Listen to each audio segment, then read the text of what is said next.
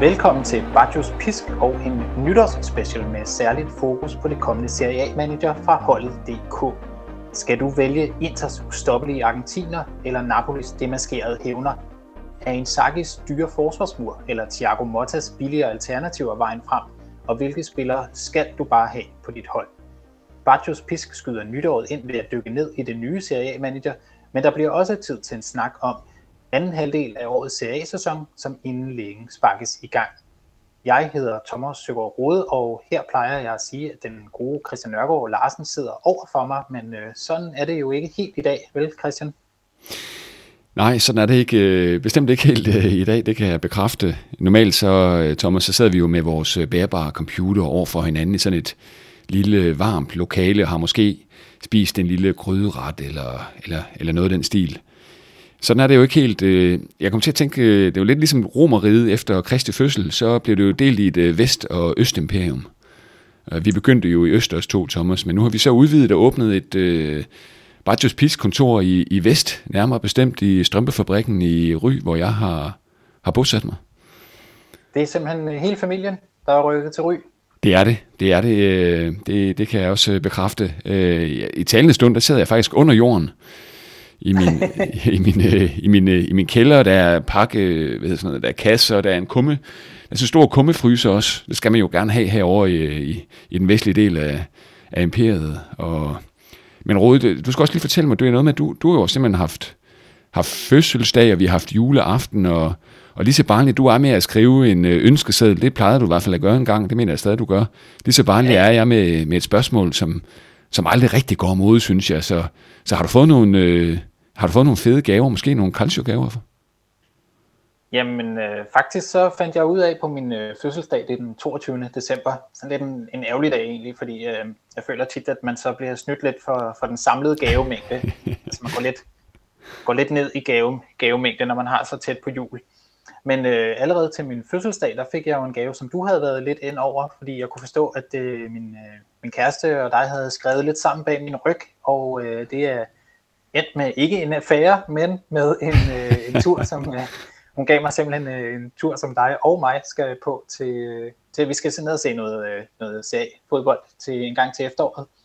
Og måske, øhm, måske også, øh, altså vi har jo skrevet lidt om, at vi faktisk skulle tage to kampe på, på, en, på en forlænget weekend. Ja, jeg tænkte, drømmen ville næsten være, hvis vi kunne nå både at se Milan og Inter, så skal det jo nok være, fordi en af dem spiller, på, øh, spiller mod Atalanta, eller et, et hold i nærheden.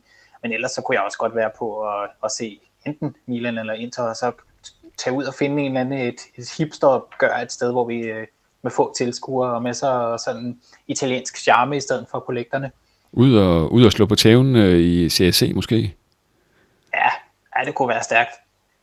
Ja, udover det, så, så blev det til et par, øh, til et par bøger, som det altid gør, og, øh, og så, så et, øh, et par Milan sokker også faktisk. Mm. Er det fra, fra Mutti?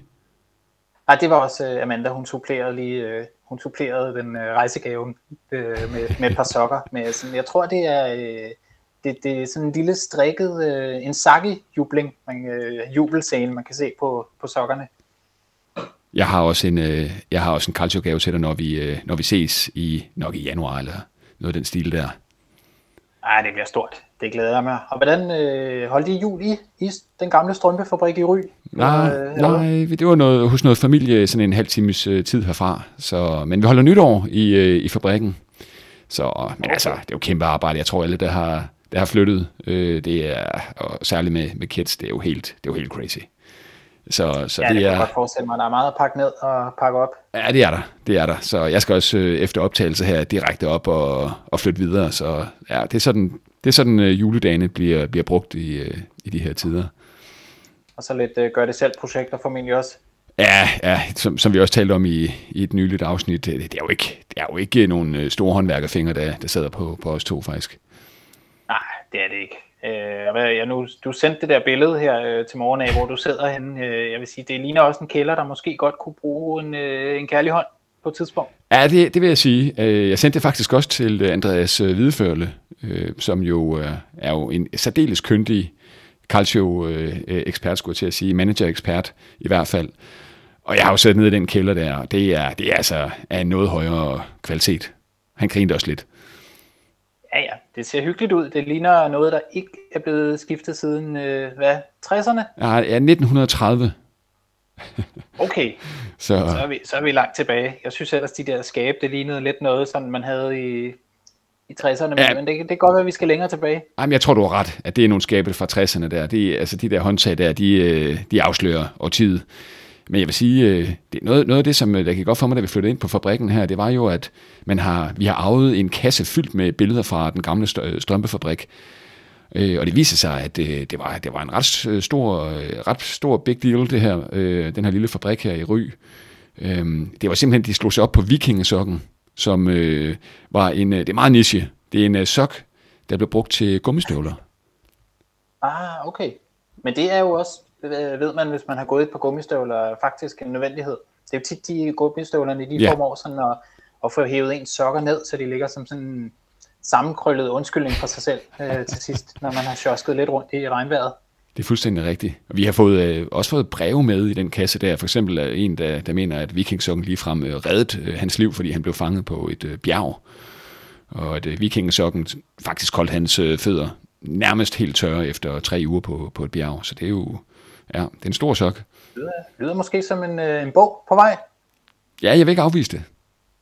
Ej, det er spændende. Og øh, nu, som altid, øh, når vi har snakket intro, så tænker jeg, at de fleste af vores lyttere allerede er faldet af. Men, øh, så øh, jeg tænker, det vi, vi må hellere til at komme i gang, og øh, det vi som sagt skal tale mest om i dag, det er Serie A-manager. Men vi skal også tale om, hvad vi glæder os mest til ved forårets Serie A. Inden da, der skal vi dog lige huske at sende en stor tak til vores nye og faste partner her i Bajos Pisk, nemlig den herlige lille virksomhed, det italienske køkken, der sælger delikatesser fra mindre italienske familievirksomheder. Uh, de er med til at dække vores udgifter, så vi kan sende podcasten her uden at gå i minus, og det er jo virkelig noget, vi, vi sætter stort pris på.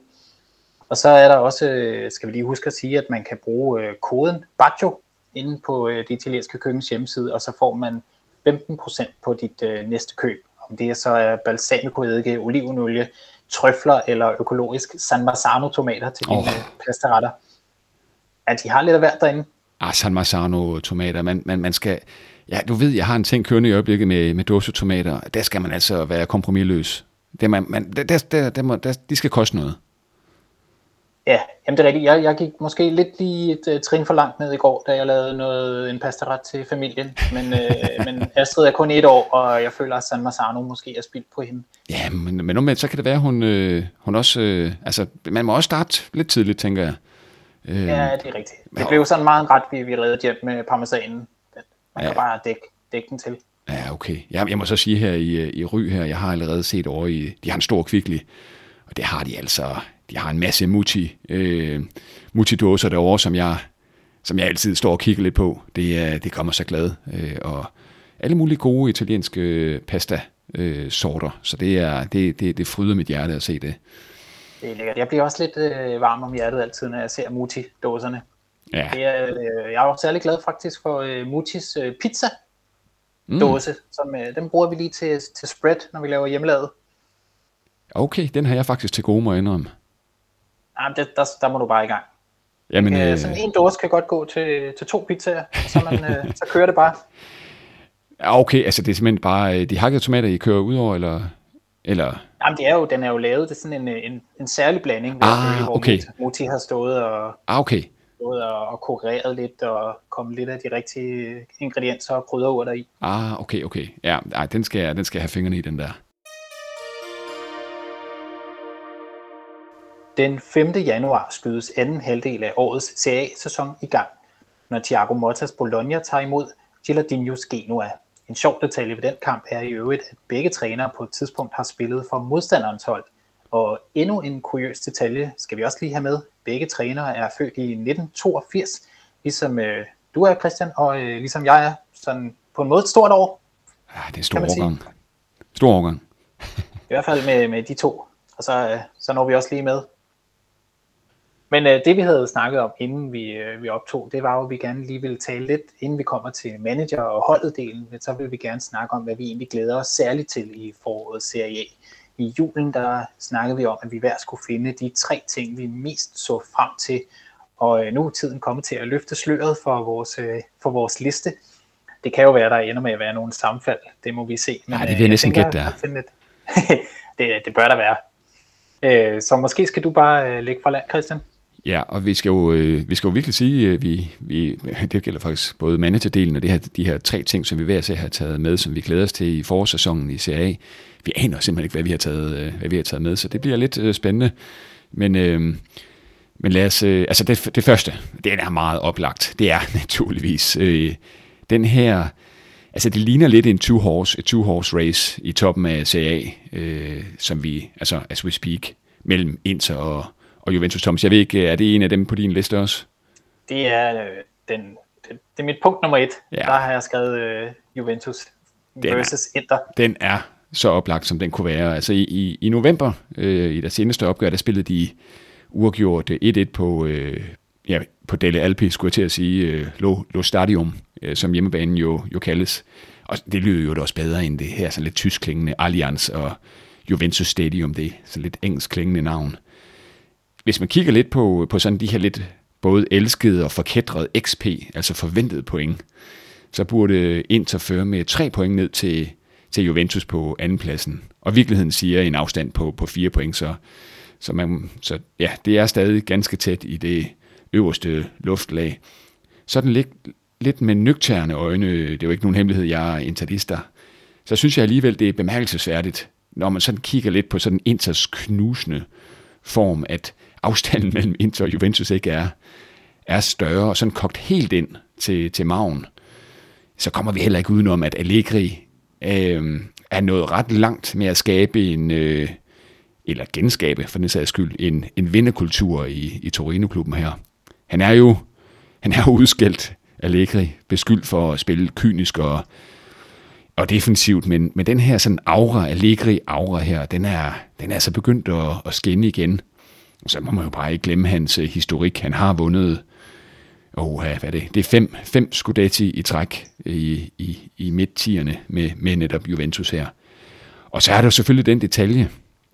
Juventus skal ikke spille europæisk fodbold i, øh, i foråret, mens Inter, nu er de godt nok ude af Coppa Italia, men de skal jo i februar koncentrere sig om 8. i, i Champions League og møder jo Atletico øh, Madrid så øh, ja, så tænker jeg da også, hvis man lige skulle knytte den sidste ting til det punkt her, Inter Juventus, det er jo vinterens øh, transfervindue, øh, hvor der kan hentes øh, garderinger til de spillere, der, der er ind på, på lazarettet. Jeg kan i hvert fald se, at Juventus de kædes øh, sammen med Calvin Phillips i, øh, i City, som er endt lidt på overskudslaget der, mens øh, Inter og Morata, den store mastermind, de er altså Inter i transfervinduet, de kigger jo altid på et hav af spillere. Og jeg kan se lige nu her, der kigger de meget på ham, øh, Tajon øh, Buchanan i Klub Brygge, som gardering for den langtidsskadede Quadrado. Og så forsøger man jo... En spiller, som øh, City også skulle have lidt kig på, kunne jeg forstå, oh. på, øh, på transferrygterne. Øh, det er jo lidt spændende. Det er, det, det er sådan noget, som vi selvfølgelig lapper i i, i de her dage her. Thomas, du elsker ja, ja, transfervinduet. Ja, det skulle være nogle, øh, man skulle da være skam, hvis man ikke lige brugte juledagen hjemme hos familien på at snige telefonen frem og lige læse lidt transferrygter. Nogle ekstra lange øh, toilet, toiletbesøg? Ja, ja, det, det er absolut. så man forsøger selvfølgelig ind, så det er jo, det er jo en klub, der, der kører med en, øh, med en særdeles presset øh, økonomi og med, med store lån. Så man forsøger selvfølgelig at lave en ny øh, Turam, altså hente endnu en kvalitetsspiller på en øh, fri transfer, og så give vedkommende en, en lidt højere øh, lønpose, og der, nogle af de andre, der også bliver kigget på, det er jo en Tardemi i Porto, det ved jeg også, Milan har kigget på tidligere. Øh, Diallo, øh, forsvarsspiller i, i franske Lille, som jo også i øvrigt øh, er en klub, som Milan har hentet mange spillere fra, øh, med stor øh, succes i øvrigt. Og så mm. Zelensky i øh, Napoli, der er, der er øh, uden kontrakt øh, til sommer. Jeg har, jeg har læst mange steder, at, øh, at hvis man Inter skal ud og hente nogle penge, så bliver det ved at hente ham ind, og så øh, til gengæld ofre øh, holdets hjerte i, i Bardelia. Ja, det er, det er sådan noget, vi ikke skal... Ej, det, Nej, det... de ødelagt, ødelagt dit, øh, dit jule. Man kan sige, øh, at, at nu nævnte jeg lige fire spillere, som øh, nok er de var fire varmeste navne på, øh, på rygtebørsen i, i Inter. Den eneste, der, der jo så skal hentes for en pose penge, det er jo, det er jo så netop øh, Buchanan i, øh, i Klub Brygge her, øh, som står, som jeg husker det, en kana- den kanadiske vingbak står til en pris på omkring 10 millioner euro, så det er jo ikke fordi, det er jo ikke en mega dyr spiller, øh, og det er jo lidt forstemmende, hvis Inter er så presset, at man også skal, skal sælge ud fra, fra det hvad kan man sige, fra det dybeste arsenal for at kunne hente sådan en spiller ind. Det vil jo være hårdt. Man kan dog sige til, altså for guds skyld ikke øh, sælge Bardella nu her. Han er jo et, et hjerte på, på holdet, men skulle man gøre det, så har man jo en Fratesi i, øh, ja, som, som direkte erstatning. Øh, men men, men øh, lad os ikke håbe, det, det, det ender sådan. Nej, nu må vi se. Der skal jo penge på bordet, og nu, nu er Milan offret Tonali, så alt kan ske. Ja, jeg kan godt se, at du, du, du, du er som en lille djævel i kulissen, når det kommer til, øh, til hele, hele den saga der. Ja, absolut. Men det er helt klart, nu havde jeg også selv skrevet øh, Inter og Juventus på som, som punkt nummer et. Det er en ekstremt fed øh, duel, vi kommer til at få om øh, årets mesterskab. Og så er det jo også, som du også selv sagde, det er lidt utroligt egentlig på en eller anden måde, når man ser på, på hvordan Inter har været kørende, og hvordan Juventus måske har været lidt mere haltende at der kun er fire points øh, forskel mellem de to klubber. Også når man ser på, på målscorerne, er jo virkelig noget, der også fortæller øh, noget om den måde, der bliver ja. spillet fodbold øh, på i Milano og Torino henholdsvis. Det er jo, altså Inter har lavet 41 mål og kun lukket 7 ind, og man kan sige, Juventus på forsvarsdelen kan jo godt være med. De har, der er kun lukket 11 mål ind, men, øh, men der er så også kun blevet scoret 26 mål, hvilket ikke lige frem er, er prangende. Jeg er meget enig, meget enig. Altså, Inter kører med plus 36 efter, altså i samlet målscore efter 17 kampe, det er jo, det er jo faktisk meget voldsomt. Røde, øh, vi var enige om det første punkt. Øh, ja, det er jeg ikke så overrasket over. Skal vi prøve at se, har du en, øh, vil du præsentere dit, øh, dit, øh, din anden ting, som du ser meget frem til her i forårssæsonen? Ja, nu kan det godt være, at jeg bliver beskyldt for at kigge lidt for meget på, øh, på det hold, jeg selv holder med, Milan, men jeg synes, at det er interessant i øjeblikket, hvor meget der bliver skrevet om øh, træner øh, Stefano Piolis øh, skæbne, altså hvor langt rækker tålmodigheden hos Milans øverste ledelse med denne her træner, som har været noget famlende længe. Altså man kan sige, at Milan er jo, hvis man ser på tabellen, øjeblikkeligt nummer tre, og det kan man sige, det er jo egentlig på sin vis pænt nok, og jeg tror heller ikke, der er nogen i Milan, der regner med, at, øh, at man skulle op og vinde et mesterskab i år. Men det har bare ikke været godt nok, og jeg har set, at i nogle italienske medier, der bliver skrevet, at øh, den kommende kamp mod øh, Sassuolo, det kan, det kan blive den, der afgør Piolis fremtid. Der er også andre, der skriver, at han ligesom har de, de næste tre kampe til at, øh, til at vise, at han er den rette mand til at sidde i, i Milan-trænersædet. En af dem, der ligesom har været ude at sige, at, at det, det ikke vil nytte at skifte træner nu. Det er jo en, en mand, der taler med en, en vis øh, vægt. Øh, i, det er Capello, den tidligere store træner. Men han, han har så også peget på, at, øh, at hvis Pioli han, han bliver, skal blive, så bliver han i hvert fald nødt til at gribe tingene anderledes an. Og øh, et, og måske også den vigtigste ting, det er at få kigget på den her stab øh, rundt om ham. Fordi på en eller anden måde, så bliver Milan nødt til at, at at forsøge at komme, øh, komme til at kunne undgå de her vanvittigt mange skader, der ikke bare aktuelt, men også de seneste sæsoner har, har plaget Milan og gjort det svært for Pioli nogle gange at sætte hold.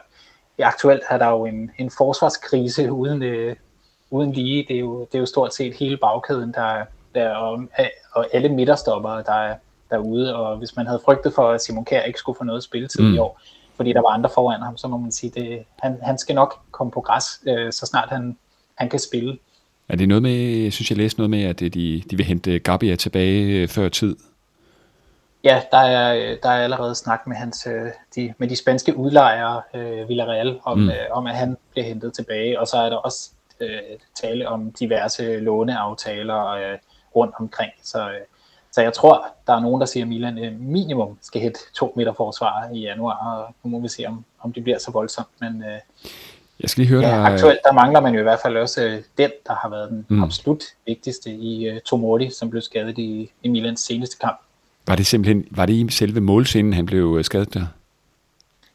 Åh, oh, det er et godt spørgsmål. Det, han, han, han scorede jo og lavede ja, sådan et... Ja, kastede sig ned på, på, på, knæ. Ja, det så ikke, altså, uh, det, det så ikke godt ud. Øh, der var også flere, nej, der... men det, men det var ikke, det var ikke der, han nej, gik ud. Nej, okay. Det var det ikke. Han spillede okay. videre. Øh, jeg kan også huske, øh, det var en kamp, som øh, Peter Gravlund ja. kommenterede, en af kommentatorerne. Han talte nærmest ikke andet, om andet end den her håbløse jubelscene, Tomordi kastede sig ud i. Altså han prøvede ligesom at, han ville ned og glide på knæene, ja. og så i stedet for, så sad han bare fuldstændig Jamen, altså. fast i, i roughen. Ja, og Gravlund ved om, om nogen, hvad det vil sige at have en knæskade eller, eller to. Det er det. Så det, jeg synes, det er spændende, hvad der sker, og det er jo en af de, altså det er jo en, det er jo en af de, de seneste års, kan man godt sige, store Serie A-træner. Han har jo trods alt mm. vundet et, et mesterskab og fået det her skrantende Milan-hold på fod igen efter, efter nogle rædderlige øh, år i, i forinden. Så han, han har selvfølgelig også noget kredit. Spørgsmålet er bare, hvor lang tid de her de nye ejere har, har tænkt sig at, at lade ham sidde, hvis han ikke øh, finder en løsning. Øhm, det, der bliver skrevet om, nu, nu tager jeg bare lige et par navne, det er jo sådan på den korte bane, at man, øh, man den, den gamle øh, trofaste Ignacio Abate, øh, Milans gamle højreback, der i dag er øh, træner for Milans U19-hold, at han skal tage over for resten af sæsonen. Og så på den lidt længere bane, altså nok først fra sommer, så er de navne, der bliver nævnt, det er jo sådan nogle som øh, Bolognas øh, Thiago Motta, det er, det er Di Serbi i Brighton, og så er det øh, ja, Francesco Fadioli fra Nice, og så hvis man skal mm. tage det mest øh, opsigtsvækkende navn, det er den, øh, den evigt ildre øh, Antonio Conte, som ja. øh, bliver nævnt, men han, er, han har jo også taget, øh, haft store træner, eller han har gjort det godt, kan man sige, nogle gange i serie, både hos Juventus og, og Inter, men øh, jeg, jeg tror ikke, at Milan har, øh, har budgettet til at hente ham og hans, øh, hans stab ind, så, øh, så et bud kunne være, at, det, at at Thiago Motta er måske næsten, øh, næsten bedste bud. Ja, Conte har jo også, øh, udover at han skal have over 10 millioner øh, euro i, i årlig løn, så har han jo også, praktiserer han jo også en noget anderledes øh, spillestil end den, som øh, Pioli praktiserer. Ja, det vil jeg virkelig se som et stor, en stor overraskelse. Også gå lidt imod hele det her Milan-projekt, hvor man jo forsøger at på en måde skabe et, øh, altså skabe et kollektiv, og hvor man ikke skal ud og brænde, øh, brænde ekstremt mange penge af på, øh, på enkelte spillere. Nu er det her godt nok en træner, men, men stadigvæk. Øhm, så det, det vil overraske mig. Jeg synes, at Nice-træneren øh, kunne, være, kunne, være, kunne være et spændende bud. Men som jeg husker det, Rode, så, så har Milan ikke for vane at øh, fyre, i, øh, fyre træner i, i midt i en sæson. Nej, så skal de i hvert fald være exceptionelt dårlige. Øh, og nu, hvad er det, han hedder? Gianpaolo, øh, der, der blev fyret ja. efter øh, under 10 kampe. Han ja. var måske øh, sådan undtagelsen. Ja, det er selvfølgelig Fordi han, øh, han, røg, han røg i den grad ud, da, da man fandt ud af, at, øh, at det ikke rigtig fungerede med professorens spillestil i, i Milan. Lige sidste spørgsmål til Milan. Hvordan er de nye ejere i, i Milan i forhold til sådan at hente, øh, hente, hente spillere ind? Der er sådan en transferpolitik. Er der, kan, kan, kunne man forvente, at Milan går ud og, og henter noget, øh, noget stort her i, i, i vinterens transfervindue? Det tror jeg ikke kommer til at ske. Jeg tror, øh, altså der er jo hele tiden snak om, at Milan bliver nødt til at have en ny øh, og måske også noget bedre angriber, fordi Giroud er øh, efterhånden, eller han er blevet 37, så vidt jeg ved, og Jovic, selvom han er kommet i gang, har jo heller ikke bevist det helt store endnu. Øhm, og, og med de skader, der konstant bliver ved med at, at ramme holdet, så er man jo ikke langt fra lige pludselig at stå med en, en, en helt sæson, hvor man, hvor man kun har én sådan topangriber at, at gøre med, og så ellers kan man jo sætte den, den 15-årige Kamada ind, hvis, øh, ja. hvis det skulle være. Men jeg tror ikke, vi kommer til at se Milan hente nogle store navne. Jeg tror, det handler om at lappe nogle huller, og så håbe, at, øh, at mange af dem, der har været skadet, de kommer tilbage i, i fuld vi gør på et eller andet tidspunkt. Og så er Milans øh, altså målsætning nok lidt det, den i virkeligheden har været i, i de seneste mange år, eller i hvert fald i Pioli-æren. Det handler om at slutte i i top 4 og, og komme i Champions League. Og så må man på sigt sådan bygge, bygge langsomt op og håbe, at nogle af alle de her unge spillere, som der trods alt øh, er flest af, ja, de udvikler sig i den, i den rigtige retning. Glemmerne. Mit, mit andet punkt, øh, det var faktisk ikke øh, Milan, det var, det var Bologna.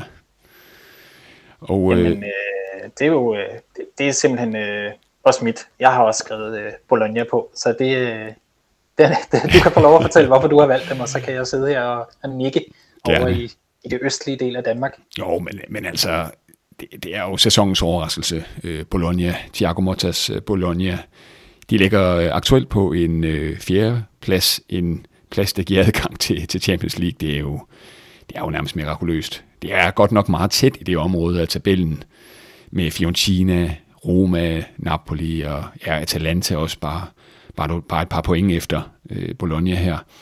Lad os lige vende tilbage til den her XP, altså de forventede point baseret på, på data, jamen så burde Bologna ligge lidt læ- øh, længere nede i tabellen på en syvende plads, bag netop de her nævnte øh, forfølgere. Men altså, man må bare sige, kig øh, de sidste fem kampe øh, tilbage. Det, det er blevet til 12 point ud af 15 mulige.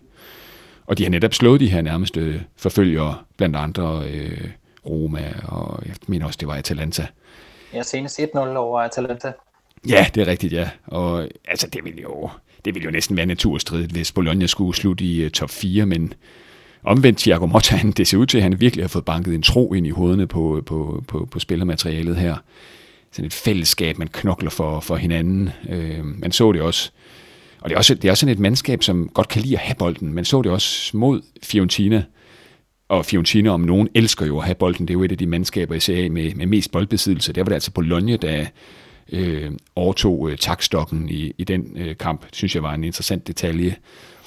Det fortæller jo også lidt en historie om, øh, at Mottas mandskab, de, de, de, altså det er ikke et hold, der, der lader sig dominere. Det er nogen, der går ind i de her hissige genpres, vil gerne have bolden tilbage hurtigt det er, det er på en måde en respektløs tilgang, og det er ret fantastisk øh, at se. Og så lad os da bare som det sidste til det her Bologna-punkt nævne øh, øh Circe, øh, som vi også talte om i vores himmelstormer afsnit.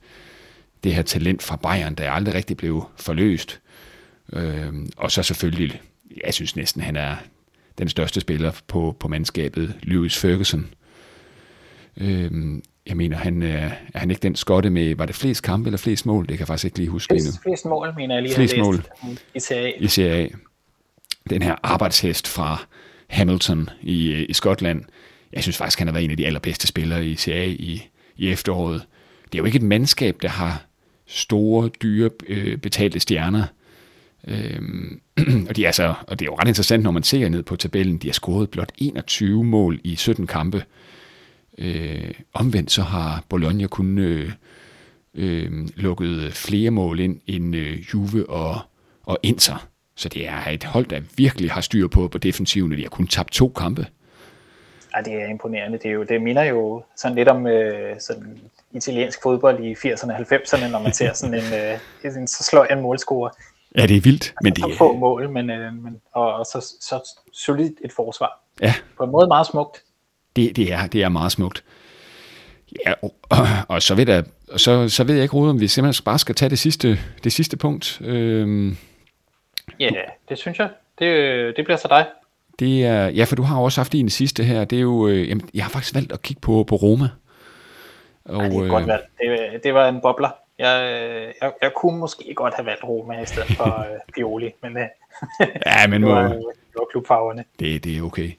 Altså, jeg har en lidt naiv tro på, og det, jeg, altså det, det er altid farligt, øh, især med Roma, synes jeg. Men jeg har lidt en tro på, at Roma kan blive forårets øh, ah, åbenbaring. Det er måske så meget sagt, men jeg tror, de, jeg tror Roma de rejser sig i foråret.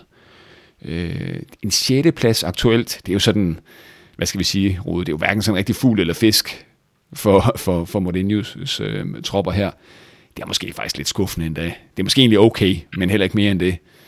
Men når man lige ser ned på tabellen igen, der er tre point op til Bologna på fjerdepladsen, seks point op til Milan på tredjepladsen. pladsen Øh, så altså, øh, hvad, hvad, hvad bygger jeg det på? Jamen, jeg bygger det jo på, at jeg synes her senest, der spillede de en ret solid kamp mod de forsvarende mester fra, fra Napoli. Øh, ser man på XP, altså de forventede antal point, så burde Roma faktisk ligge på, på fjerdepladsen. Og så bygger det især på, at der er en række profiler, der er på vej tilbage for Roma, og her tænker jeg på, ja, først og fremmest på CA-magikeren øh, øh Paolo Dybala, naturligvis, hvis tilstedeværelse jo er alfa og omega for, for Roma.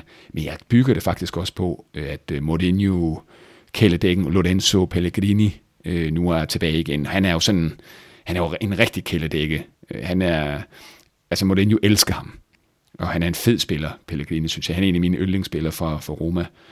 Og hvis man så på, ser på de italienske medier, sådan, ja, både i går og i dag, jamen, øh, så er han altså med i, øh, sådan, øh, så, så er, hvad hedder det, Dybala, ikke Pellegrini, Pellegrini er tilbage. Dybala, han er tilbage i træningen nu. Forud for øh, årets sidste CA-kamp for, for Roma, og det er jo mødet med Juventus her den 30. december. Men altså, hvis det skal lykkes for, for Roma at, at slutte i top 4, jamen, så skal man til at være bedre på, på udebanen. Det er blevet til 8 point i 8 kampe. Sammenligner man lige med Inter, så er det altså blevet til 21 point øh, i de kampe, otte kampe, de har spillet der. Og så er det også lidt den her historie om, øh, at altså, det er jo lidt Mourinho's eftermæle nu her, øh, hans eftermæle i den evige stad. Det vil være stort for Mourinho, og, og nu ved vi jo ikke definitivt, om han er endegyldig fortid til sommer her, men det, det, bliver der, det bliver der spekuleret meget i, og det vil være, det vil, det vil faktisk samlet set være lidt skuffende, trods sejren i Conference League og finalen i Europa League, hvis, hvis det ikke lykkes for Mourinho at, at slutte i top 4, tænker jeg. Ja, altså det er jo, Roma har jo i hvert fald, hvis man ser på budgetter, så burde de jo øh, næsten øh, mange år i træk have ligget højere, end de gør. Så på et eller andet tidspunkt, så skal det jo gerne gå op. Øh, det plejer det jo at gøre med de penge. De, de klubber, der bruger flest penge, plejer også at være dem, der slutter blandt de bedste, hvis man altså lige ser, ser bort fra måske sådan nogen som Chelsea i England, øh, og så måske endda Roma i, i CA. Ja, meget enig. Jeg var tæt på at tage et Serie B-punkt. Det, det bliver jeg nødt til at sige, fordi det er, det er jo det, det fremler med spændende mulige oprykker, men øh, det blev kun Serie A, der fik øh, mine tre skud her. Jamen øh, Christian, jeg synes, det var nogle, øh, nogle gode valg, og vi kom godt om, omkring, og det er jo øh, sådan en lille form for, for optakt i virkeligheden, vi, vi nåede på den måde. Og jeg er spændt på, øh, jeg er spændt på, hvad vi skal til nu her, fordi nu bliver det, øh, ja, nu bliver det, nu, nu skal vi til forhandlingsbordet. Nå, Christian, vi skal til det.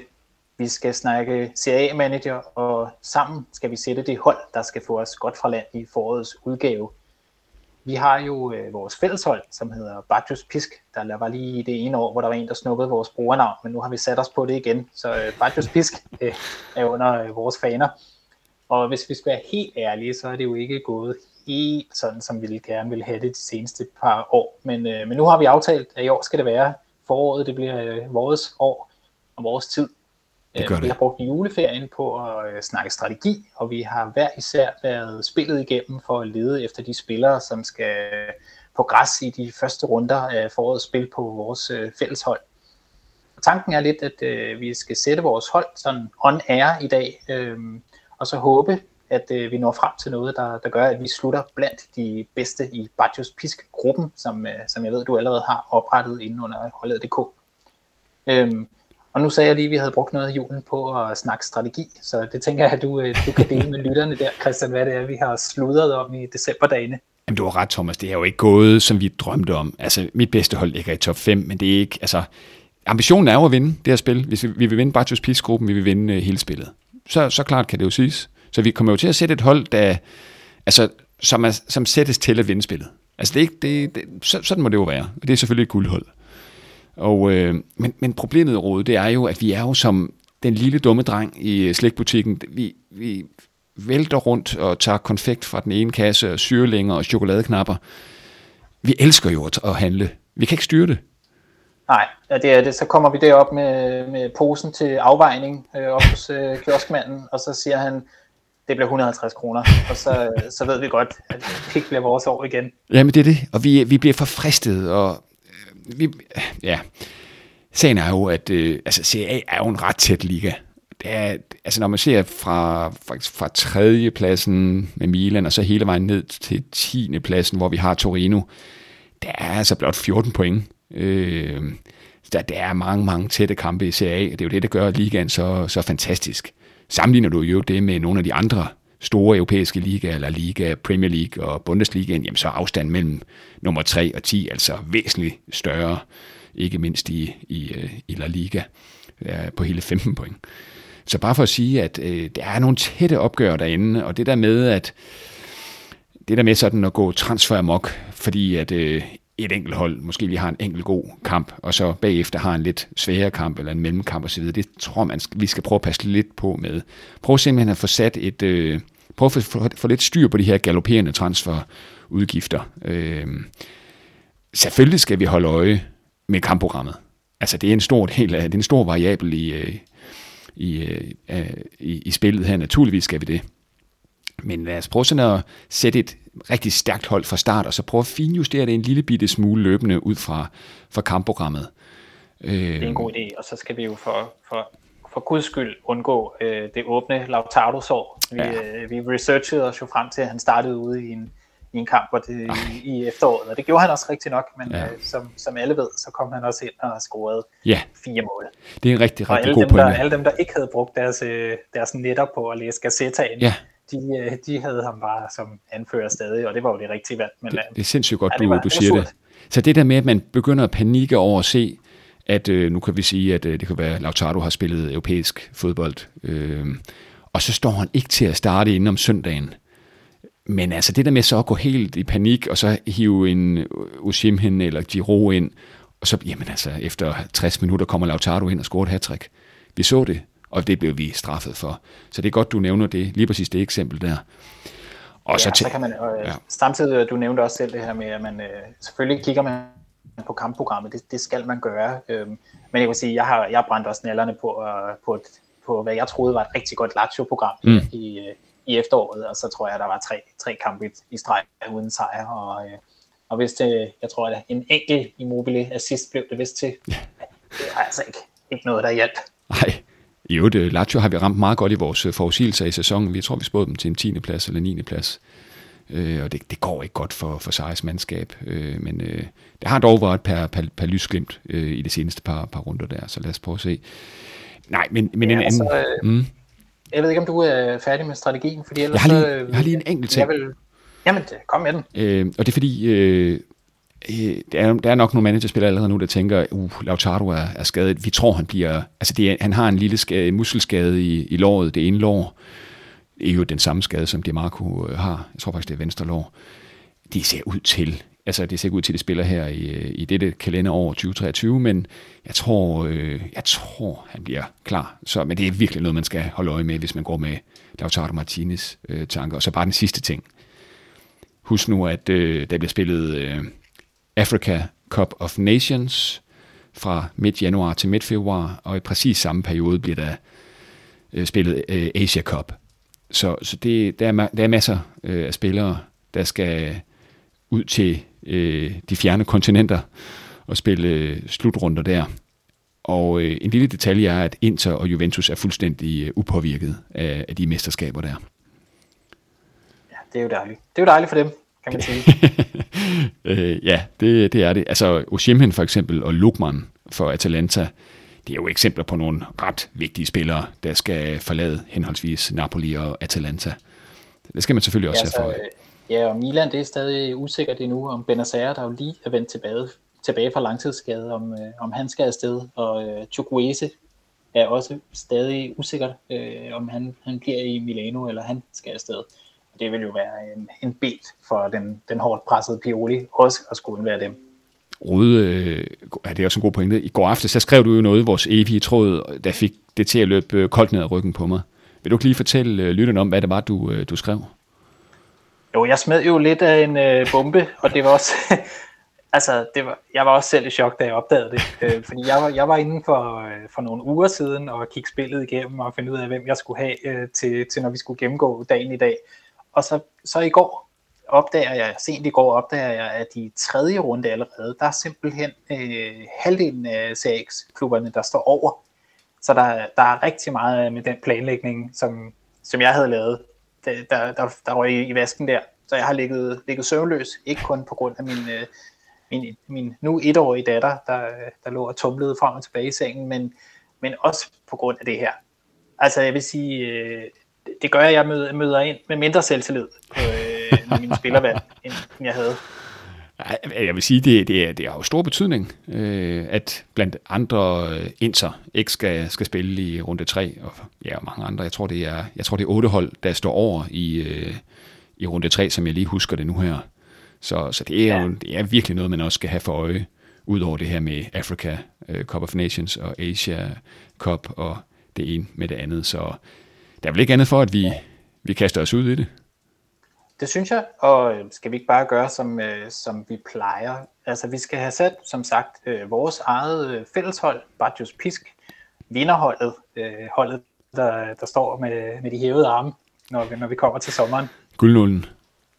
Præcis. Og vi starter med ned fra, fra målmanden, og så øh, diskuterer vi os øh, frem øh, mellem blandt kæderne, og så må vi også lige finde ud af, hvordan vi kan justere på, på øh, om det skal være 4-4-2 eller 4-3-3 undervejs. Det afhænger af, hvad vi, hvad vi når frem til. Det, Men altså, Christian, ja. hvis vi nu bare starter på målmandsposten, ja. der har vi øh, måske det første skænderi, det ved jeg ikke. Ej, vi kommer men, til at have mange skænderier nu. Det er, det er der, vi starter. Vi, det er jo ligesom, øh, altså foran os, Rode, vi står, er junglen. Vi kan se lianerne, og vi aner ikke, hvad hinanden har af, af tanker, så det bliver, det bliver et hundeslagsmål, det her. Okay. Okay, skal vi prøve at kaste os ud i det? det? Øhm, Spændende, om vi kommer, kommer fælles ud. Ja, jeg er også meget spændt. Og øh, nu, nu, nu sætter vi altså vores Bartos piskold her, og jeg vil sige, igen, øh, falder det, altså igen synes jeg, det er interessant, at øh, de rigtig gode målmænd i Serie A er prissat til 5,5 millioner. Det var de også i, øh, i efteråret. Og, øh, og det er jo ikke galt, sådan set, øh, at man kan gå ud og hente en, øh, en Chesney i Juventus til 5,5, man kan hente en Jan Sommer oven i købet til, til 5,5. Så det var, de, det var nok de første målmænd, jeg begyndte at kigge lidt på. Øh, hvis man vil gå dyrt, så har man en Jan Sommer og en øh, Chesney. Det er de to bedste defensiver i, i Serie A. Øh, når man så ser på, hvor mange point de genererede i øh, den head-to-head, jamen så var der kæmpe forskel. Jan Sommer, han, øh, han fik øh, hele 12 clean sheets i, øh, altså nu er efterårssæsonen jo ikke helt forbi nu, men øh, i talende stund, mens Chesney i går gårsøjen kun fik 8. Jeg mener, der var en 5-600.000 i, i, i forskel på de to. Det taler jo lidt for, at øh, Jan Sommer jo kunne komme ind på, på holdet. Men så har vi igen den detalje, at Jan Sommer han ikke kommer til at spille runde 3, mens øh, Chesney spiller samtlige... Øh, øh, ja, han står ikke over i runde 3. Og så ved jeg også med kampprogrammet, Råde, du har kigget lidt på det. Ja, da jeg sad og kiggede og fandt ud af, at Juventus i hvert fald spiller i de første tre øh, runder, og så man siger, at modstanderen det er Salernitana ude i første kamp, så er det Sassuolo hjemme, hmm. altså øh, Juventus på hjemmebane i anden runde, og så Lecce ude. Det er et øh, og så samtidig et uh, Juventus, der ikke skal spille europæisk, så er det, det er meget svært lige at, at se, at man på en eller anden måde skulle komme uden om uh, Juventus. Så, så faktisk efter Lecce-kampen, så har man uh, Empoli ja. hjemme. Ja. Så det vil sige, at vi, vi kigger på fire ja. gode Juventus-kampe i træk, og også fire, fire kampe, som godt kunne potentielt i hvert fald kaste to eller endda fire clean sheets af sig. Så Juventus' ja, målmand er meget øh, værd at holde øje med, vil sige. Og så, så i runden efter, i de femte runde, der venter Inter på, på udebane, men øh, de første fire bør man nok tage en Juventus-målmand. Ja, jeg, jeg er enig. Øh, Juventus, øh, hvis, hvis vi sådan prøver at sætte cursoren på de første fire kampe, øh, så, så har Juventus det bedste kampprogram. Øh, det, det må jeg sige. Så, så jeg kunne godt øh, gå med til, øh, jeg kunne bestemt godt gå med til en Chesney øh, på vores øh, mandskab, hvis man synes, det er for meget at bruge 5,5 på en øh, målmand, og det går lidt mere amok i, de, øh, i rækkerne længere fremme på, på banen. Så synes jeg også, der er nogle spændende alternativer. Skal vi lige hurtigt tage dem? Øh, den første, synes jeg, er Skorupski. Vi har allerede øh, talt om øh, Bolognas målmand, øh, og det her med, at Bologna kun har lukket, øh, altså at det mandskab, der har lukket tredje færrest mål ind i, øh, i Serie A, kun overgået af Inter Juventus naturligvis til 4,5 millioner, så sparer man en million øh, op til øh, Sommer og Chesney. Jeg synes, han er et glimrende alternativ. De har blot lukket 12 mål ind. Jeg har faktisk lidt en idé om, når vi kan se ejerskabs- øh, eller ejerprocenterne, det kan vi ikke i talende stund, at der kunne jeg godt forestille mig, at Skorupski, han kommer faktisk nok til at være den mest valgte, øh, eller næsten mest valgte målmand i, i spillet. Det har jeg en idé om. Så Skorupski til 4,5, hvis man vil spare en million. Og så har jeg faktisk... Vi, øh, ja. ender med at klikke ham, ind, klikke ham ind senere igen. Ja, ja, jeg synes, han er interessant, Skorupski, det må jeg indrømme. Og så hvis man vil gå helt billigt til værks, nu kommer der en, øh, nu kommer der virkelig en, en fed kanin op af have den her. Øhm, og det hvis man virkelig, virkelig vil sætte et offensivt hold, så kræver det jo en billig målmand, og så hvor jeg faktisk sige, nede i bundzonen af Serie A, der synes jeg, at Cagliari er det mandskab med, de, med det bedste program. Det har de jo en Simone Scuffet, tror jeg det udtales, til 3 millioner. Mm, Tidligere uh, Udinese, kan det passe? Uh, det må jeg være svar skyldig. Øhm, Ej, det må jeg lige finde ud af. Han er, han er sådan et stort italiensk øh, skur til 3 millioner, og øh, det er som om, altså det er jo risikabelt, men øh, det skal det jo også være til den pris, men, men holdet fra Sardinien har faktisk et ret fornuftigt startprogram. Det er fire tætte kampe og ingen storhold. Øh, så hvis man vil gå billigt til værk, så synes jeg, at Simone Skuffet kunne være en, kunne være en interessant mulighed. Det tror jeg dog ikke, vi, jeg tror dog ikke, vi ender med, med Skuffet. Så... Og jeg kan lige... Øh, han, han har spillet i Udinese, det var ret. 40 kampe er det blevet til ah, det er godt fra 13 til 21. Det er faktisk jo virkelig godt husket. Og så er han jo også født i Udine, som, øh, som mange ved. Oh. I 93. Ja. Nu skal jeg nok gå ud fra Wikipedia. Ja. jeg synes ud for det, vi har talt om her, så når vi til, skal vi simpelthen ikke starte med at tage Chesney ind på vores øh, mandskab? Jo, så absolut. Han er klikket ind, og vi hopper videre til, øh, til bagkæden. Vi hopper videre til bagkæden. Jeg vil sige, Christian, som, som, øh, ja, som udgangspunkt, der har jeg jo sat en, øh, en firebakkæde, fordi der var mange billige forsvarsspillere, jeg gerne ville have ind, så der kunne bruges lidt flere penge øh, fremme på banen. Men øh, jeg ved ikke, hvor, øh, hvor du ligger der. Jamen, jeg øh, i, i, i min egen, på min egen hold har jeg som udgangspunkt sat en 4-3-3.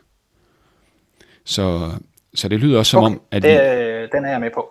Så, så det kunne jo godt være vores udgangspunkt, og så er spørgsmålet, vi skal i hvert fald have tre angribere. Det er jo et spil, der bliver afgjort af, af mål. Øh, så, så, så det kunne godt være vores default øh, opstilling. Jeg, jeg vil, altså, jeg, jeg tror, jeg vil sætte nogle ord på den spiller, som jeg har størst forventning til, at du også har på din øh, liste. Er du klar? Jamen, øh, kom med den. Jeg har en kraftig formodning om, at du har været forbi øh, Emilia Romagna, øh, Bologna, hvor der er en øh, Calafiori til 2,5. Han var den første spiller, jeg klikkede ind på holdet.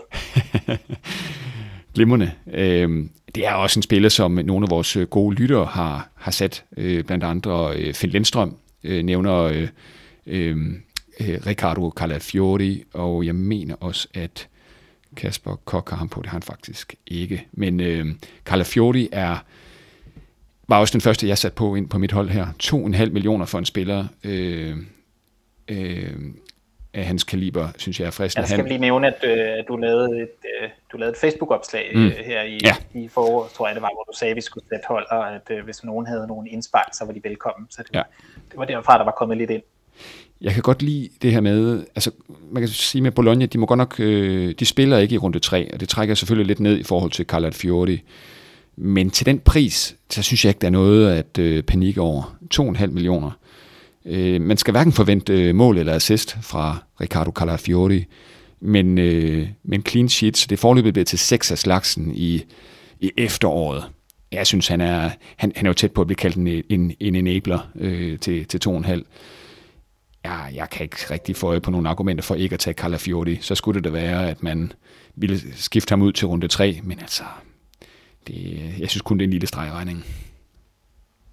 Ja, han, øh, han er klikket ind. Jeg ved ikke, om øh, hvis vi skal få lidt, lidt tempo på, øh, om jeg lige skulle smide et, øh, par navne i, i puljen, og ja. så kan du se, hvad du siger til det. Ja, endelig.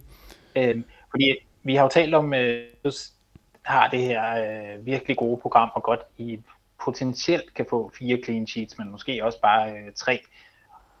Og nu ved jeg, at Gatti har været den, der har øh, vækstet mest for Juventus, fordi han jo også har scoret hvad det, tre mål i, mm. i efteråret. Øh, men han koster 5, og derfor har jeg faktisk, øh, for at spare, har jeg klikket Bremer ind som en, øh, som en mulighed til 4,5, for yes. lige at have den halve million i banken. Jeg, selvom Gatti er bedre på, øh, på hovedet, og, og nok også øh, potentielt kunne finde på at score igen, så tænker jeg stadig, at vi, hvis vi budgettet skal holde, så øh, giver det mening at tage den, den billigste Juve-forsvar, som stadig står til at spille de fleste kampe. Ja, og jeg er meget enig. Jeg har også Bremer på min liste, og jeg synes også, at altså, Bremer er jo stensikker starter. Gatti, han har også spillet sig øh, ind i varmen, men, men Bremer er fuldstændig uomtvistelig øh, på sin, øh, altså, nede i, i det nede i Juventus' øh, forsvar her. Øh, og han er lige forlænget med den gamle ja. dame. Og, øh, forlænget, ja. Og han har spillet, han har simpelthen nærmest spillet samtlige minutter. Øh, og de har det der gode kampprogram, Juventus. 4,5 millioner for en forsvarsgeneral af, af Bremers kaliber her. Hvis han, ikke, øh, hvis han kan undgå skader og karantæne, så er det jo en spiller, du kan have i, i, i hele spillet. Og det er jo sådan noget, vi godt kan lide. Absolut. Så får du lige mine to sidste. Ja. Det kan være det her, vi begynder at skulle diskutere lidt, men øh, jeg har kigget på øh, Dragutin fra Genua. Yes. Det har jeg på grund af Genua spiller i første spiller i alle tre runder. Ja. Øh, og de møder, så det er så Bologna ude, kan man sige, i første runde, så der kommer vi til at have to forsvarsspillere, der møder hinanden, yes. hvis, øh, hvis vi vælger at beholde ham. Jeg har også Dragusin på min. Men det kan man så måske leve med, hvis den bliver, bliver 0-0. Men så ja. har de jo så også uh, Torino. De får besøg af Torino i kampen efter, og så har de Salernitana på udebane i, i tredje runde. Og han koster 2,5 millioner. Jeg jeg synes umiddelbart, jeg ved ikke, om han er umulig at komme udenom, men, øh, men han er et godt bud på en, der... Var vi dog enige indtil videre, Rode? Det, det, jeg er lidt overrasket. Jeg tror også, vi, vi får flere sværslag på midtbanen og i angrebet. Jeg havde faktisk forventet, at vi havde en del. Jeg har også Dragosin på min, og der får du altså... Altså, clean sheets hører til sjældenhederne for Dragosin, modsat uh, Calafiori. Men den her garderhøje romaner med, med piske i øvrigt, øhm, oh, ja. øh, det trækker også lidt op han har både scoret og assisteret en enkelt gang, og så har Genua, som du sagde, det her fornuftige øh, startprogram, især for rundt øh, to og, og frem. Først gælder det Bologna på udebane. Jeg har også Dragosin her, så, så har vi jo faktisk allerede, øh, ja, vi har Bremer, Calafiori og, og Dragosin. Det er, en, det er en flot start. Vi, altså, nu tror jeg til gengæld, at vi går ind i, øh, i en ny fase af vores øh, gennemgang her. Ja, altså jeg har, øh, jeg har simpelthen kigget på en, øh, en mand, der burde være stedet i pris, men ikke er det. Øh, Fiorentinas uh, Coyote ja. til 2,5. Jeg synes, han vækstede omkring, som jeg husker det, 600.000 i, i efterårets spil, og jeg synes umiddelbart, han er sådan, når vi snakker det her enabler, han er i hvert fald så billig, at det giver mening bare at have ham, uh, have ham stående. Og uh, Fiorentina har ikke sådan de spiller så godt nok kun i de første to runder, mm. men de har øh, Sassuolo øh, ude, og så får de besøg af Udinese i næste runde, så der kunne man da godt se i hvert fald en, et enkelt clean sheet for sig. Ja. Coyote er bestemt også en mulighed. Jeg har faktisk øh, jeg har også kigget lidt på Bisek øh, fra, fra Inter til, til 3 millioner. Han er, han er jo on the rise, øh, må man sige. Nu er det jo også i lyset af, at der er mange skader i Inters øh, bagerste geled. Men jeg synes også til 3 millioner kroner, hvis han har kostet 3,5, så, øh, så var jeg nok lidt mere i tvivl, men jeg synes 3 millioner er en fristende pris også for, for Bisek. Øh, altså det er vel et sted midt imellem de to der, øh, tænker jeg råde. Øh, Jamen vi kan jo gøre det, at øh, vi, vi kan godt øh, klikke Bisek ind, også for at få lidt, øh, lidt Superliga glans over det hele. Ja, vi kunne starte. Og så hvis vi hvis ride, ride fattes penge, så kan Coyote ja. komme ind og slå ham af. Jeg synes, det er med de her mange clean sheets, som øh, Inter de står noteret for, Ja, det synes jeg altså til 3 millioner, og, og kvæg hans øh, form, synes jeg, at øh, Bisek har en lille øh, fordel i forhold til, til, til vores øh, ven i, øh, i Firenze. Så vi kunne starte med at tage Bisek ind, og hvis vi kommer til at mangle en halv million, så var Coyote en, øh, en, en god erstatning.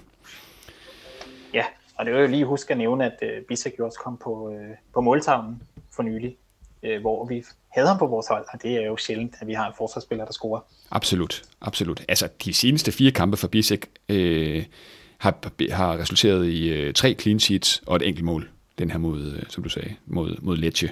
Det er meget, meget flot. Så han, ja. øh, det er en mand med... Og så må man, det er så også lige det, det der øh, kan tale imod, men det kan vi jo se, når spillet nærmer sig. Det er ja. jo det her med, at han er jo ikke en interstarter. Han spiller jo på bekostning af skader andre steder, så, så det er lige mere at holde øje med lazarettet. Ja, og så er det også det her med, at man skal jo have spillet en time øh, for at få et clean sheet. Det er jo også lidt en faktor, så, så selvom han så godt kan være sådan en, der bliver hævet ind, øh, når øh, lazarettet er blevet tømt for Inter nede i forsvaret, så, er der ikke, så får han jo clean sheet, selvom han får spilletid. Det er jo også en, en væsentlig øh, detalje. Så jeg tænker lige nu, øh, kunne han være en god mulighed. Så må vi lige se, hvordan lasserettet udvikler sig. Det er glimrende. Skal vi hoppe op på midten? Ja, det skal vi. Tre mand skal findes. Ja, og øh, øh det kan være øh, det er, et, det er en dyr start, men jeg har øh, jeg synes Chiesa bør være en man taler om, fordi vi har Juventus' øh, gode startprogram og, øh, og og han er jo, han står som midtbane, men spiller angriber, og han tog også et øh, straffespark for, øh, for ganske nylig. Det gjorde han nemlig. Ja, vi har jo skrevet i vores øh, tråd, at han er et must-have, og det, det skrev vi også lige efter, han havde, øh, han havde taget det straffespark fra, fra Juventus. Øh, den her rapfodet italiener, for lige at bruge et lidt gammelt udtryk. Øh, jeg, jeg kunne læse på øh, i Gazettaen i går, at han er, i, øh, han, er jo, han er jo aktuelt småskadet, men at han er i bading og skal testes inden øh, øh, det her slag mod øh, Roma i, øh, i weekenden. Så må ikke han er helt klar til, til forårskampagnen. Det, det tror vi helt klart. Jo, skal vi, vi, vi Jeg synes, vi skal sætte ham ind. Lad os starte med at sætte ham ind. Det er, det er jo en dyr mand, vi sætter ind her. Det er 6,5 millioner. Han har bare set utrolig god ud, øh, øh, den gode øh, Chiesa her. Vi kan godt starte med at sætte ham ind. Det betyder jo, at vi øh, kommer til at, at få lidt færre penge at med op i, i angrebet. Men lad os starte med at tage Chiesa. Jeg har ham også på min liste. Nu tror jeg, vi, øh, nu tror jeg, der kan, kan komme et øh, sværslag. Og øh, det er fordi, jeg, øh, og jeg, jeg har, som jeg sagde, jeg tror øh, indledningsvis, så tror jeg altså, at Roma de kommer til at blive en af, af overraskelserne øh, i, i foråret. Der ligger mange interessante spillere i det der leje omkring 5 millioner på midtbanen. Du har en Barella, som har set rigtig god ud for Inter i de seneste par runder. Du har ovenikøbet også øh, Rabiot fra Juventus til 5 millioner. Og så har du en mand, der endelig er kommet tilbage. Og han har x-faktor. Jeg synes faktisk også endnu mere x-faktor end Barella og Rabiot i manager-sammenhæng. Det er sådan en Lorenzo Pellegrini.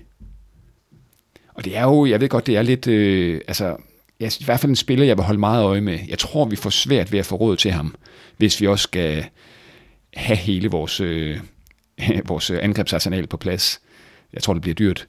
Men han er blevet sin skade kvit, og de har et pænt startprogram, øh, Roma, og modsat Bardella, så skal han spille i runde 3 også, hvis han ellers kan, kan, kan holde sig skadesfri. Øhm, ja, det er ja, sådan... du godt nok øh, pænt startprogram.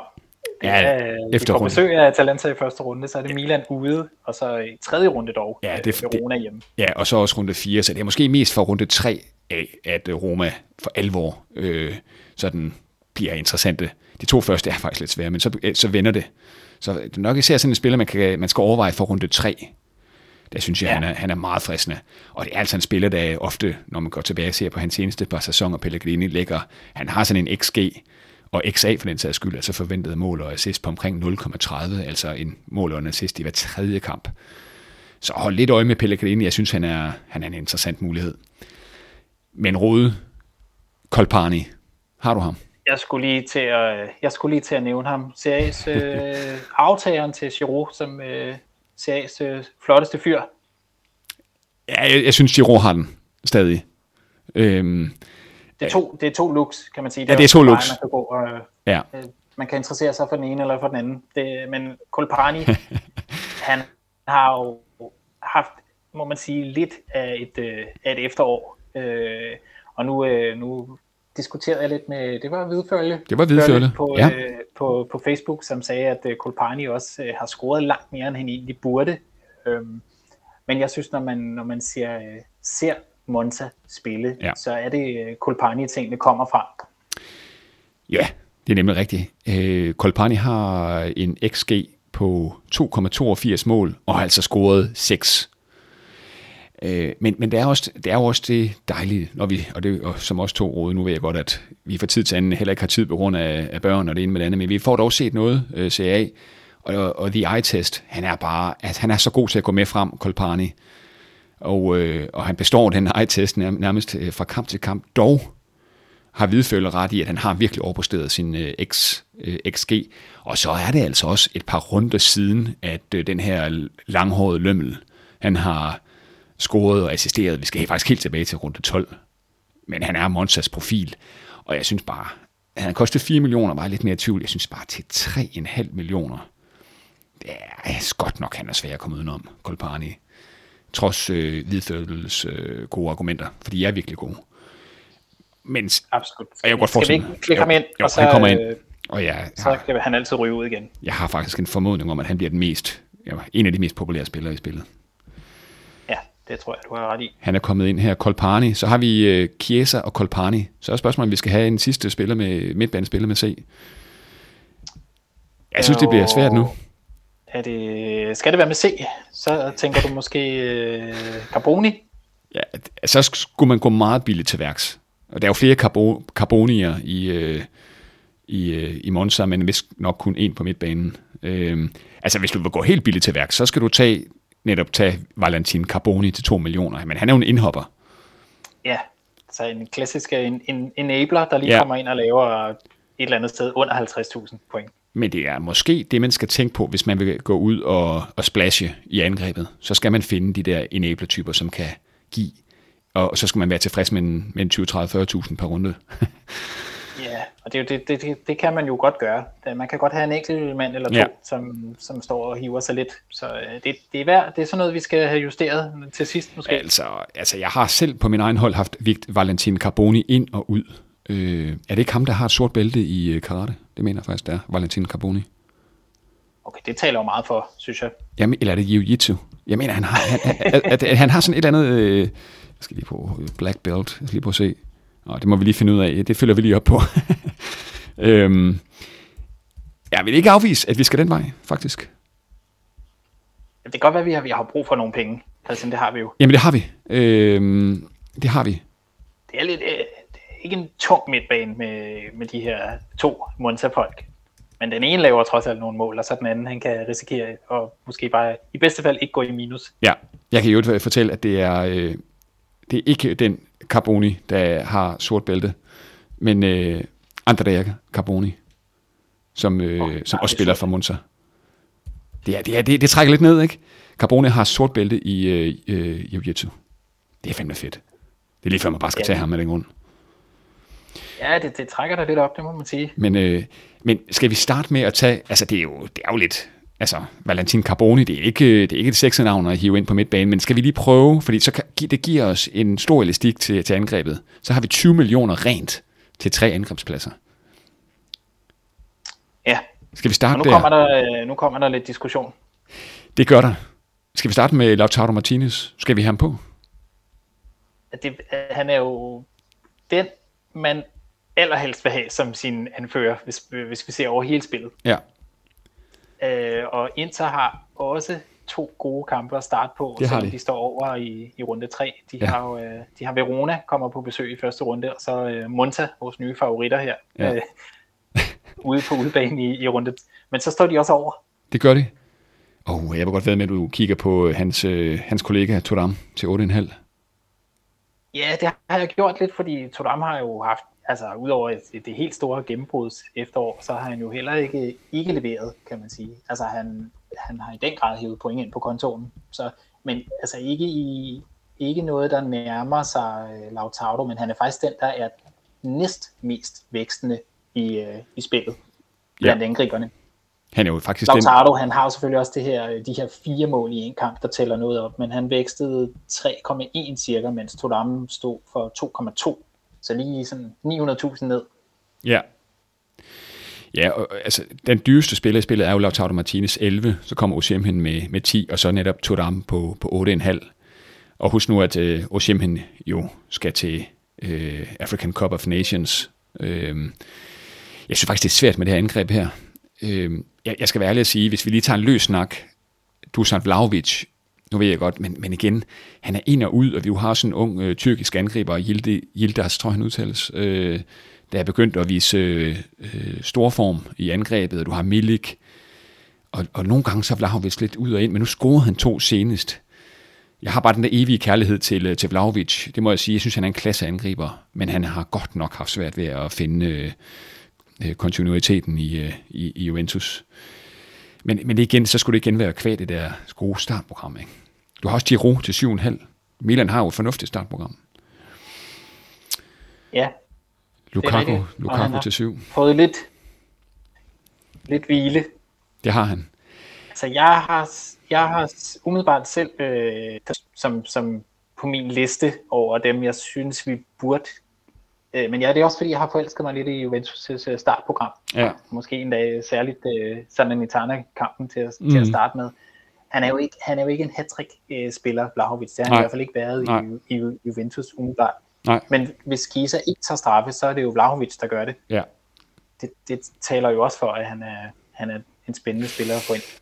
Hvad, hvad, hvad tænker du om en uh, Cirkse til 5 millioner? Ja, ham vil jeg jo meget gerne have plads til, men øh, med dem, hvis man både skal have Tudam og Vlahovic for eksempel, ja. så er der ikke, ikke penge til Så har vi ikke penge til ham, nej. Øhm, det er rigtigt. Det, ham har jeg og nemt. så kan man sige, ja. ja, Bologna har to gode kampe i, og til at starte ud på. Mm. Så øh, altså, i, i, øh, fordi man møder Genua i den første kamp, og så skal til en tur til Cagliari i runde to. Ja. Og han har jo han har virkelig, virkelig været god, så det vil være fedt at få plads til ham. Men så bliver det jo på bekostning af Thuram eller Vlahovic. Det er rigtigt. Du har også et Napoli-mandskab med et, to rigtig gode kampe til at starte med, som jeg husker det. Jeg mener, de har... Ja, de skal besøge Torino, og så har okay. de ja, Salernitana. Oh, wow. Ja, ja. Det er en af de øh, kampe, hvor jeg, altså, det, det er nærmest den største favorit i de to første runder, det må være Napoli mod Salernitana. Fordi det, du har også interkampen mod Verona selvfølgelig i runde 1. Det er jo det der med, at man gerne vil finde de spillere, der kan måske kan score en 2-3 mål i. Så har du den flyvende start, som du gerne vil, vil have. Men, øh, men Napoli uden øh, Ushimhen, så er det måske sådan nogen som Raspadori og Simeone, man skal finde, når du har sådan en kvart Skelia på midtbanen. Ikke? Jeg synes angrebet og er... på øh, ja. straffe. Ja, det er, er rigtigt. helt UF'en. Men, men, men, øh, men okay, lad, os lige for, lad mig lige tegne et scenarie for dig, Rode. Du sidder og ser Inter mod Verona i runde 1, og Lautaro Martinez han starter ind. Hvad gør du? Er du, du, vil jo, du vil jo gemme dig bag sofaen, hvis du ikke har ham. Ja, jeg vil have lidt, øh, lidt ondt i maven. Altså, jeg, vil ikke, jeg vil ikke nyde at se den kamp, nej, hvis jeg ikke havde ham. Jeg synes, det vil være voldsomt. Og, og du, ved, du, du ved, at Lautaro han har hat i sig. Og hvis vi ikke ja, har ham... Det, du, han er du, den største hat spiller i, i Serie A, umiddelbart. Toram, med al respekt, han er jo en vidunderlig spiller. Men han er jo ikke, han er ikke meget mere end et mål i sig per, per kamp. Han er en mål og en assist ja. i sin gode kampe. Ja. Altså, burde vi ikke til at starte med have Lautaro på vores mandskab, og så holde øje med, om, øh, altså, også, man, altså tager man Lautaro i det her spil her, så skal man simpelthen holde øje, godt og grundigt øje med Gazzetta og Tutu og, og hvad det ellers hedder, om han bliver helt klar til, til runde 1. Jeg har en formodning om, at han gør det. Jamen, så lad os prøve at klikke ham ind. Skal vi prøve at klikke ham ind? Og ellers så er Markus Thuram jo også en, en, en helt oplagt mulighed. Jeg synes bare, ja. det giver jo en ro at have Lautaro på sit hold. Så har du den oplagte anfører. Altså, øh, du kan, jeg sige, du kan nærmest have ham som anfører øh, øh, hele vejen igennem. Ja, ja. Du skal også ned og snakke med din bankrådgiver, ikke? Ja, det skal du. Det skal du. Det kan også være, at det bliver øh, Bisek. Han ser lidt nervøs ud nu. Ja, han begynder... Øh, Bisek, han, han, gemmer sig, og, øh, han gemmer sig lige nu. Han ved godt, okay. at øh, der, er en, der er en to en der, der lurer på ham. Vi har ni, vi ham ind. Hvis vi har Lautaro, og så hold for guds skyld øje med hans, øh, hans, hans øh, skade i, i baglådet der, så har vi 9 millioner til to pladser i angrebet. Det er jo egentlig pænt det er, nok. Ja, det er det er pænt, men det er jo heller ikke der, man finder de, de helt store navne nej, nej. frem. Det Skal... er, er rart at have en i en halv. Ja, det er rigtigt. Altså, vi må bare igen sige, øh, lad os prøve at se på kampprogrammet. Det, det er, ikke, heller ikke mange Milan-spillere på hold i øvrigt. Nej, det er der ikke. Men øh, man kan også sige, at Milan har jo en ude mod Empoli. Det er jo meget fornuftig start, og det, det, den, den, skal de jo, øh, den skal de jo simpelthen vinde. Men så hedder den jo også, øh, så får de besøg af Roma i næste runde, og ja, ja så, skal man, så skal man en tur til Udine det mest, jeg synes, Milan har, har spillet meget svagt, og ja. ikke særlig overbevisende i, i lang tid. Og man kan sige, man skal i hvert fald ikke have Milan forsvarsspillere eller målmand øh, umiddelbart. Nej. Det ja. kan godt give lidt mening at have, hvis man vil gerne vil have en Pulisic eller en, en, en Giroud, som jo tager straffe ind, så, så kan jeg godt se noget mening i det. Ja. Øh, men, men det er ikke sådan, at jeg vil, vil sidde og savne nogle Milan-spillere. Altså, jeg synes, hvis man skal finde en billig angriber, så synes jeg, der ligger mange interessante i det der 3,5 leje. Øh, fordi vi kommer jo til at skulle vælge en angriber, der ikke koster så mange penge. Men der synes jeg faktisk, der er nogle spændende muligheder. Du har, jamen, du har jo en Solé, øh, som tager straffe i Frosinone. Ja, du ham, har, øh, ham har jeg også på, på listen. Du har en uh, De Kettelata. Øh, det gør jo lidt ondt i hjertet, når jeg nævner det navn, Thomas, det ved jeg. Til 3,5 det er ikke mange mål, han scorer, men han, øh, han, det ser ud som om, at han, øh, han får tillid fra Gasparini og, og står både noteret for mål og, og et par assist her i efteråret. Og så har du... Stadig ikke meget, han leverer. Nej. Og han er jo måske den i serie, der, der har brændt de, ja. sådan de eneste år brændt de største chancer ja. generelt. Han, det er jo ikke det er jo for ganske nylig, han, jeg ved slet ikke, hvordan han fik den, øh, fik den over mål, øh, da de mødte Milan. Det så helt skørt ud, det der. Var det ikke der, hvor han nærmest løb ind i den, tror jeg? Jo, øhm, altså den skulle bare ikke. Den skulle bare... Atalanta har også en svær kamp til at starte med, og de står over i runde 3. Det synes jeg taler lidt fra, øh, ja. øh, for at man ikke ja, skal tage... Ude. Det, det kan Solé, Solé, Solé, jeg har altså en spændende... synes jeg måske bare, at vi skal, øh, vi skal få ind. Det er Monza i første kamp, ja. så er det Atalanta ude, og så er det Cagliari i tredje runde. Det vil Men, sige, at han, ja. får tre kampe, han sparker straffe, han har vel været utvivlsomt øh, Frosinones bedste. Ja, 100 procent. Jeg har dog en spiller, jeg synes, øh, der, der kan duellere om pladsen, øh, og det er ikke det Ketelata, men han koster også 3,5. Og det er, det er altså lidt hipsterens øh, foretrukne.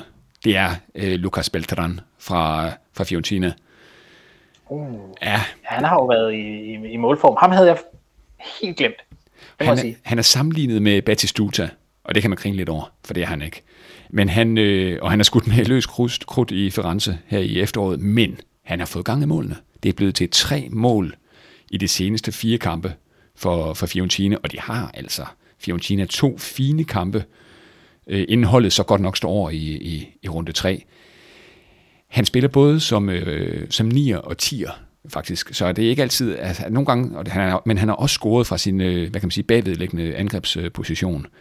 Jeg synes, der er noget form, der taler for, at øh, for Beltran, han har, altså kigger man på pointene i de sidste fire runder, så har Beltran mere form end, øh, end Solé.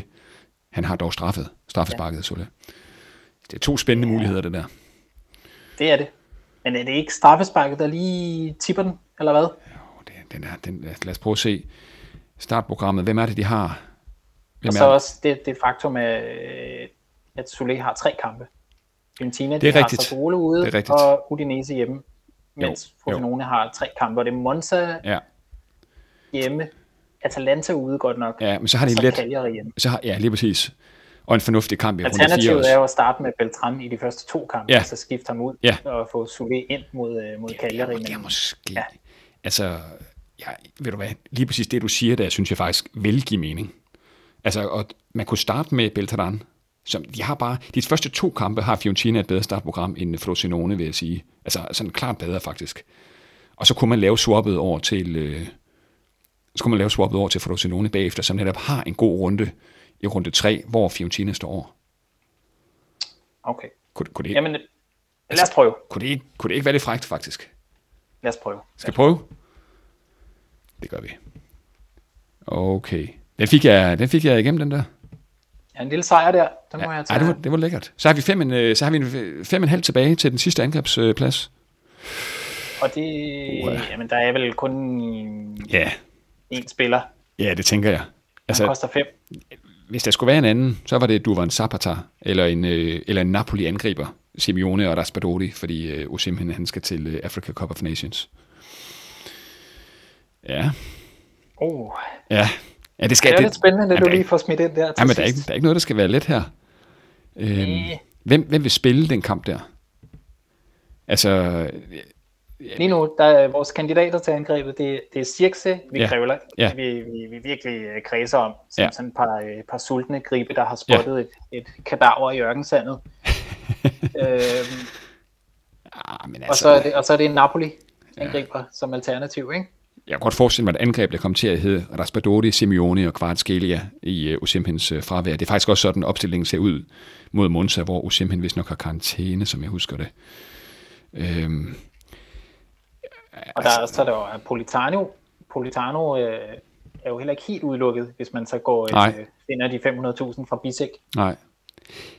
Altså igen må jeg bare sige, og hvis, hvis, hvis, hvis vi skal være lidt tro mod vores øh, mission, det her med, at vi ikke skal handle alt for meget, have en konstant starter, og egentlig vi har, vi har der, altså vi, vi, vi ved, at vedkommende ikke bliver skiftet ud, øh, eller ikke starter, eller starter inden for det meste, jamen så vil det jo være Circe. Altså han er jo, øh, han er jo essentiel for, på, på Thiago Mottas øh, mandskab. Øh, det kan man ikke ja. helt sige om Simeone og Raspadori, selvom de har et virkelig godt startprogram. Øh, han tager, tager, jeg mener også, han tager straffe CXA, faktisk. Ja, vi klikker ham ind. Er det ikke det? Oh. Det, det, er, det er noget mere tryghed i det. det er, det, man kunne godt gå mere offensivt til værks, men vi vælger... Så må vi lige finde ud af, hvad vi gør i runde 3, Ja, hvor, han, øh, hvor de står over. jamen, øh, det betyder jo faktisk, at vi har et hold. Ja, Og, det, er ikke så, øh, det, det føles ikke så tungt op foran, Nej, eller på midten for den sags skyld, eller, i forsvaret. Det, det er, der er mange billige spillere. Jamen, det er der, men så kan jeg trøste med, at vi har 500.000 i banken.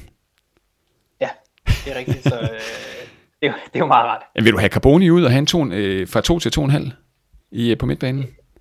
Jeg kunne bare ikke lige se, hvem det skulle være, men det, vil man, det er vel der, man gerne lige vil spendere lidt. Alternativet er jo endnu en gang at skille sig af med Bisek, Ja, og så øh, gå ned på Coyote, fordi så har vi til at købe en for tre. det er rigtigt. Jamen, ved du hvad, det kan jeg godt gå med til. Men det er kun, hvis du har nogen på listen, der giver Ja. mening. Skal vi lige prøve at tage Coyote ind i, øh, i forsvaret? Ja, fordi det er jo også, du har selv lige nævnt, Fiorentinas startprogram. Det er Ja. helt dumt. Så har du 3 millioner på, på midtbanen. Og til det, ja, hvad kan vi få der? Lad os prøve at se. Du har en uh, Florian Thauvin i, uh, på midtbanen, der tager straffe. Men hold op, hvor har vi også bare givet ham langt lige i efterårsudgaven. Ja, vi, ham havde vi stående Ej, i Udinese-manden. vi kan ikke blive ved. Øh, Hvad blev det til? Et mål? Ja, et mål, tror jeg. Det, vi, kan, vi kan ikke blive ved med det der. De har jo også et svært startprogram, øh, Udinese. Jeg synes det faktisk nærmest, det er det sværeste startprogram overhovedet. Øhm, så har du jo øh, øh, Lamek Banda. Problemet er bare, at han er i karantæne. Altså, det er jo den mest afslutnings... Det er den spiller i Serie A efterårsudgaven, der har afsluttet mest. Øh, og scoret to og har fire assist, men han, og han står til 3 millioner, men han er i karantæne og skal jo spille for Zambia her i januar. Ja, ikke meget, øh, vil jeg sige, til 3 millioner, da jeg springer i øjnene. Nej, det er faktisk ikke... Øh, jeg sidder også lige her og er helt... Det er faktisk, øh, altså øh, Arthur Melo til 3 millioner, ah, ah, han bliver faktisk nævnt derinde i vores gode gruppe øh, som en mulighed. Øh, Mathias Hemmer i øvrigt, som øh, vandt en af vores øh, konkurrencer øh, om et øh, guld plus hold til holdet DK, han siger, at Bisek til 3 millioner næsten er et must efterhånden. Ja. Jamen, jeg, vi kan også bare skifte tilbage igen, og så, så kan vi altid lige nå at konferere lidt. Ja, Senere. Ved du hvad, skal vi, skal vi ikke lige få Bisek ind igen? Øh, det, det tænker jeg. Lad Og så bliver øh, Carboni 2 millioner manden, Ja. ja. kommer til at stå der. Jeg kigger lige en sidste gang, om der skal være noget til 2,5. Ah, det er, det er lidt tyndt, var. Det er det. Det er det bare. Jeg tror simpelthen bare, at vi... Øh, vi lad, os, lad os simpelthen starte med... Øh, det er, det er måske lidt ildfattigt med, øh, med en indskifter, men øh, lad os gøre det. Han er klikket ind.